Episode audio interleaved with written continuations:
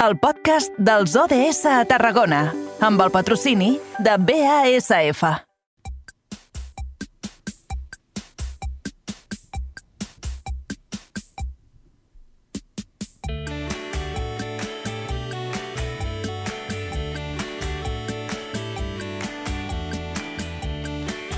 Objectius de desenvolupament sostenible i d'això doncs, tenim un capità, potser és l'últim dia, després ho explicarem, Sí, sí, sí, després ho explicarem.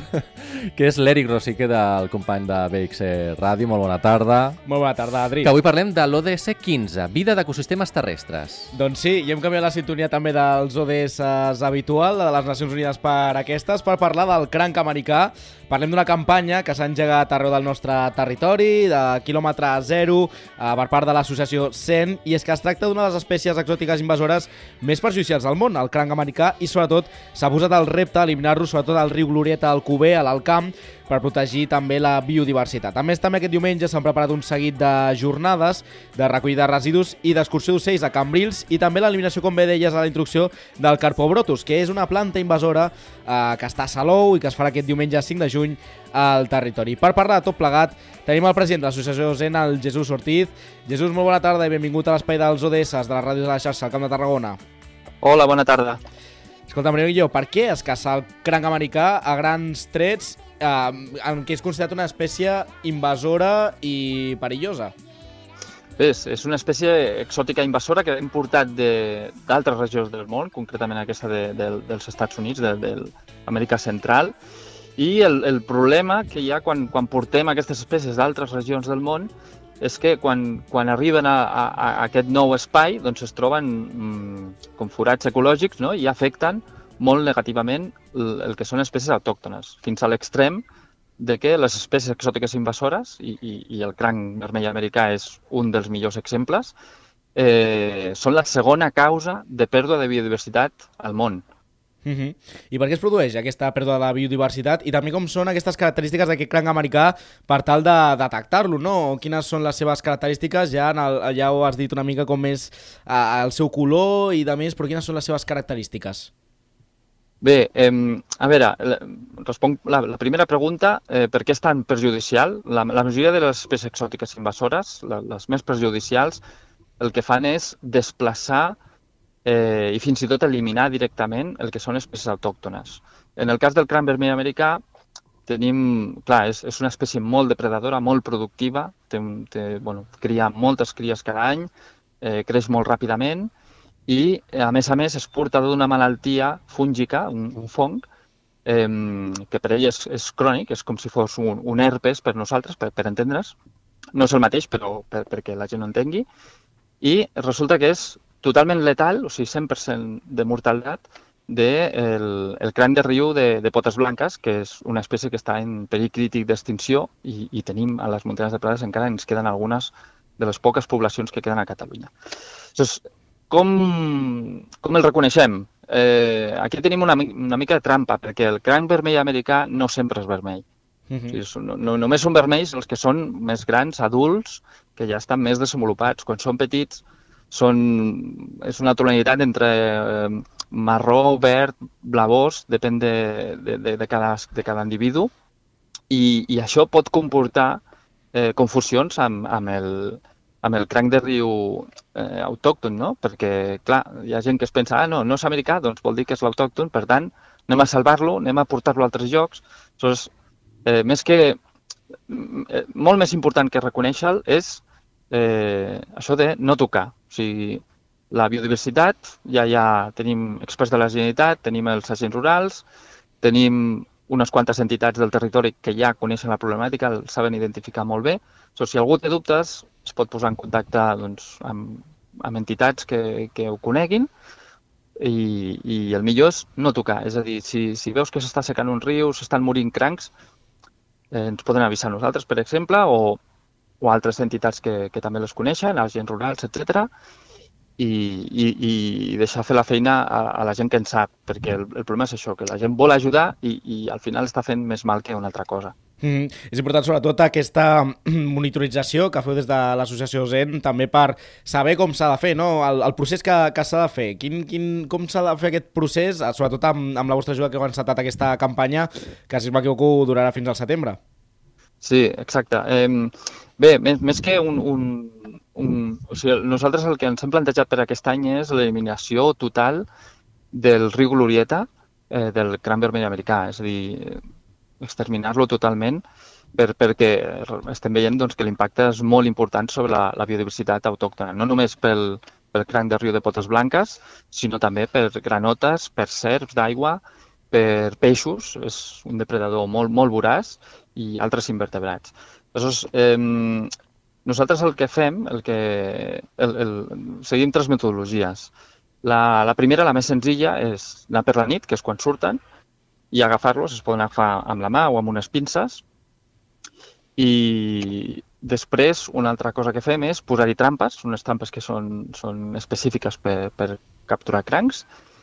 I la tercera cosa, que és, diguéssim, que és la, la nostra eina definitiva, si sense això doncs, la cosa seria bastant més complicada, és utilitzar la pesca elèctrica, que és, és un aparell que genera un corrent elèctric, no, no, no un corrent, és a dir, no, no, no és una bateria posada posada a l'aigua, senzillament, sinó que té, té unes variables, o sigui, té una freqüència, té una potència que va variant, o sigui, són, són diferents coses, no és, no és tan senzill.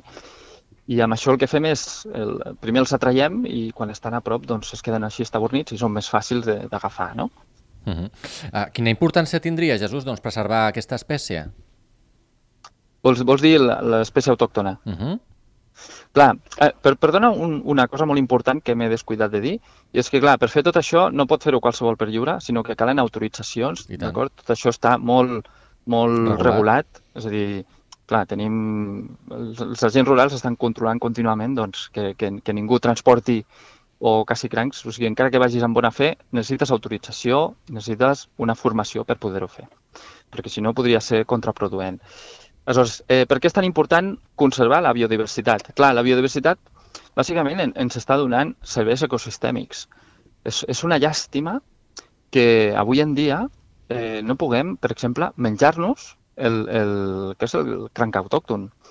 La gent, doncs ja que té un, un, alguns, alguns anys menys més que nosaltres, recorda, quan eren, quan eren una mica més joves, que podien anar al riu i menjar-se tranquil·lament el cranc, el cranc de riu que hi havia, que era l'autòcton, estava per tot arreu, n'hi havia molt, com que no estava en període d'extinció, es podia capturar i, i, i diguéssim que era, era un recurs alimentari eh, més i sobretot important per la gent de terra endins quan, quan la mobilitat era més, més complicada. No? Aquí t'estic donant un servei ecosistèmic de molts altres. Mm -hmm. Perquè clar, tot, tot l'ecosistema, diguéssim que és, és, és una maquinària molt complexa i també fan moltes altres funcions, no? des de l'autodepuració la, de l'aigua, el funcionament...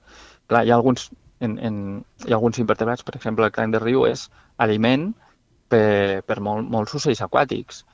Eh, aleshores, clar, si anem perdent biodiversitat així de, de, de, al ritme que anem últimament, aquests últims anys, eh, clar, aniran sortint, eh, aniran sortint problemes per tot arreu. De fet, ja, mhm. ja ens ho estem trobant una mica, no? Mm -hmm. I de fet, eh, només es poden trobar al, al Cuber, al riu Glorieta, o Ui, no. hi ha el, algun perill que també se'n trobin en altres punts del, del territori? No, mal, malauradament, eh, el que és estrany és trobar el, el cranc autòcton. El, el cranc mm vermell americà eh, està eh, dispersat per, per, per tot arreu. Bàsicament, on, on no el trobem encara i, i esperem que trigui bastant o, o que no arribi, són les muntanyes de Prades. O sigui, quan, quan, quan arribem amb, amb aigües més fredes, que tenen menys nutrients, aleshores aquí el cranc americà es troba una, una dificultat, no? que al ser tan productiu doncs necessita molt de menjar, necessita molta temperatura i no ho té. Aleshores, mm. eh, tot el que és la plana està plagadíssima de cranc vermell americà. El riu, el riu Francolí, per exemple, amb la gran majoria dels seus afluents està plagadíssim de cranc vermell americà i clar, és, és, és una llàstima perquè clar, aquí ja estem parlant de quilòmetres i quilòmetres de, de cranc, aleshores aquí eh, és impossible, bueno, impossible, eh, o sigui, és inviable totalment actuar. Aleshores, per això estem al riu Glorieta al Cuber, que tenim no arriba a dos quilòmetres, el, el tram que estem treballant, i, i clar, si eliminem el cranc d'aquests dos quilòmetres vol dir que tot el riu Glorieta, la part que té aigua, perquè la part que està seca, doncs, evidentment no tenim aquest problema, doncs ja quedaria alliberat i això serviria per protegir, doncs, per conservar aquestes espècies autòctones que, que algunes estan en, en perill d'extinció. -hmm. I s'està fent la feina perquè, vaja, des del març no, que, que ha començat aquesta campanya, com està anant tot plegat aquesta caça del cranc americà? Si teniu aquesta facilitat, sobretot aquesta particularitat no, de caçar-los de, de nit, com està anant fins ara, que s'arriba fins al setembre i suposo que també aquesta crida no, per poder ajudar a la mesura del sí. possible per poder fer aquesta caça més massiva pel cranc americà? Sí, mira, la veritat és que vam, vam començar fa més de 10 anys, uh -huh. però vam començar doncs, mm, eh, autoformant-nos, és a dir, amb, amb molts pocs coneixements i a poc a poc hem, hem anat aprenent l'ecologia d'aquesta espècie i hem anat aprenent com caçar-lo, com fer-ho millor i, i cada vegada hem anat millorant més i més amb molt de voluntariat, és a dir, aquí han participat, eh, sembla que ho vam calcular l'altre dia, prop d'uns 800 voluntaris de, únics, és a dir, persones que potser han vingut diverses vegades, però en total sumen... O sigui, és a dir, unes 800 persones, algunes de les quals han vingut més d'una vegada, i, i ara aquest any ens ha coincidit doncs, que hem tingut, per una banda, un, un ajut d'una empresa que es diu Dupont, que, que ens ha comprat, ens ha donat un, uns diners per cobrir bona part del, del cost d'un equip de pesca elèctrica, que és, com deia abans, és l'eina definitiva. I després, per una altra banda, també ens han concedit una subvenció de la Generalitat que ens ha permès, ara mateix som cinc persones contractades, i clar, això vol dir doncs, que aquest any podem fer un esforç molt i molt important.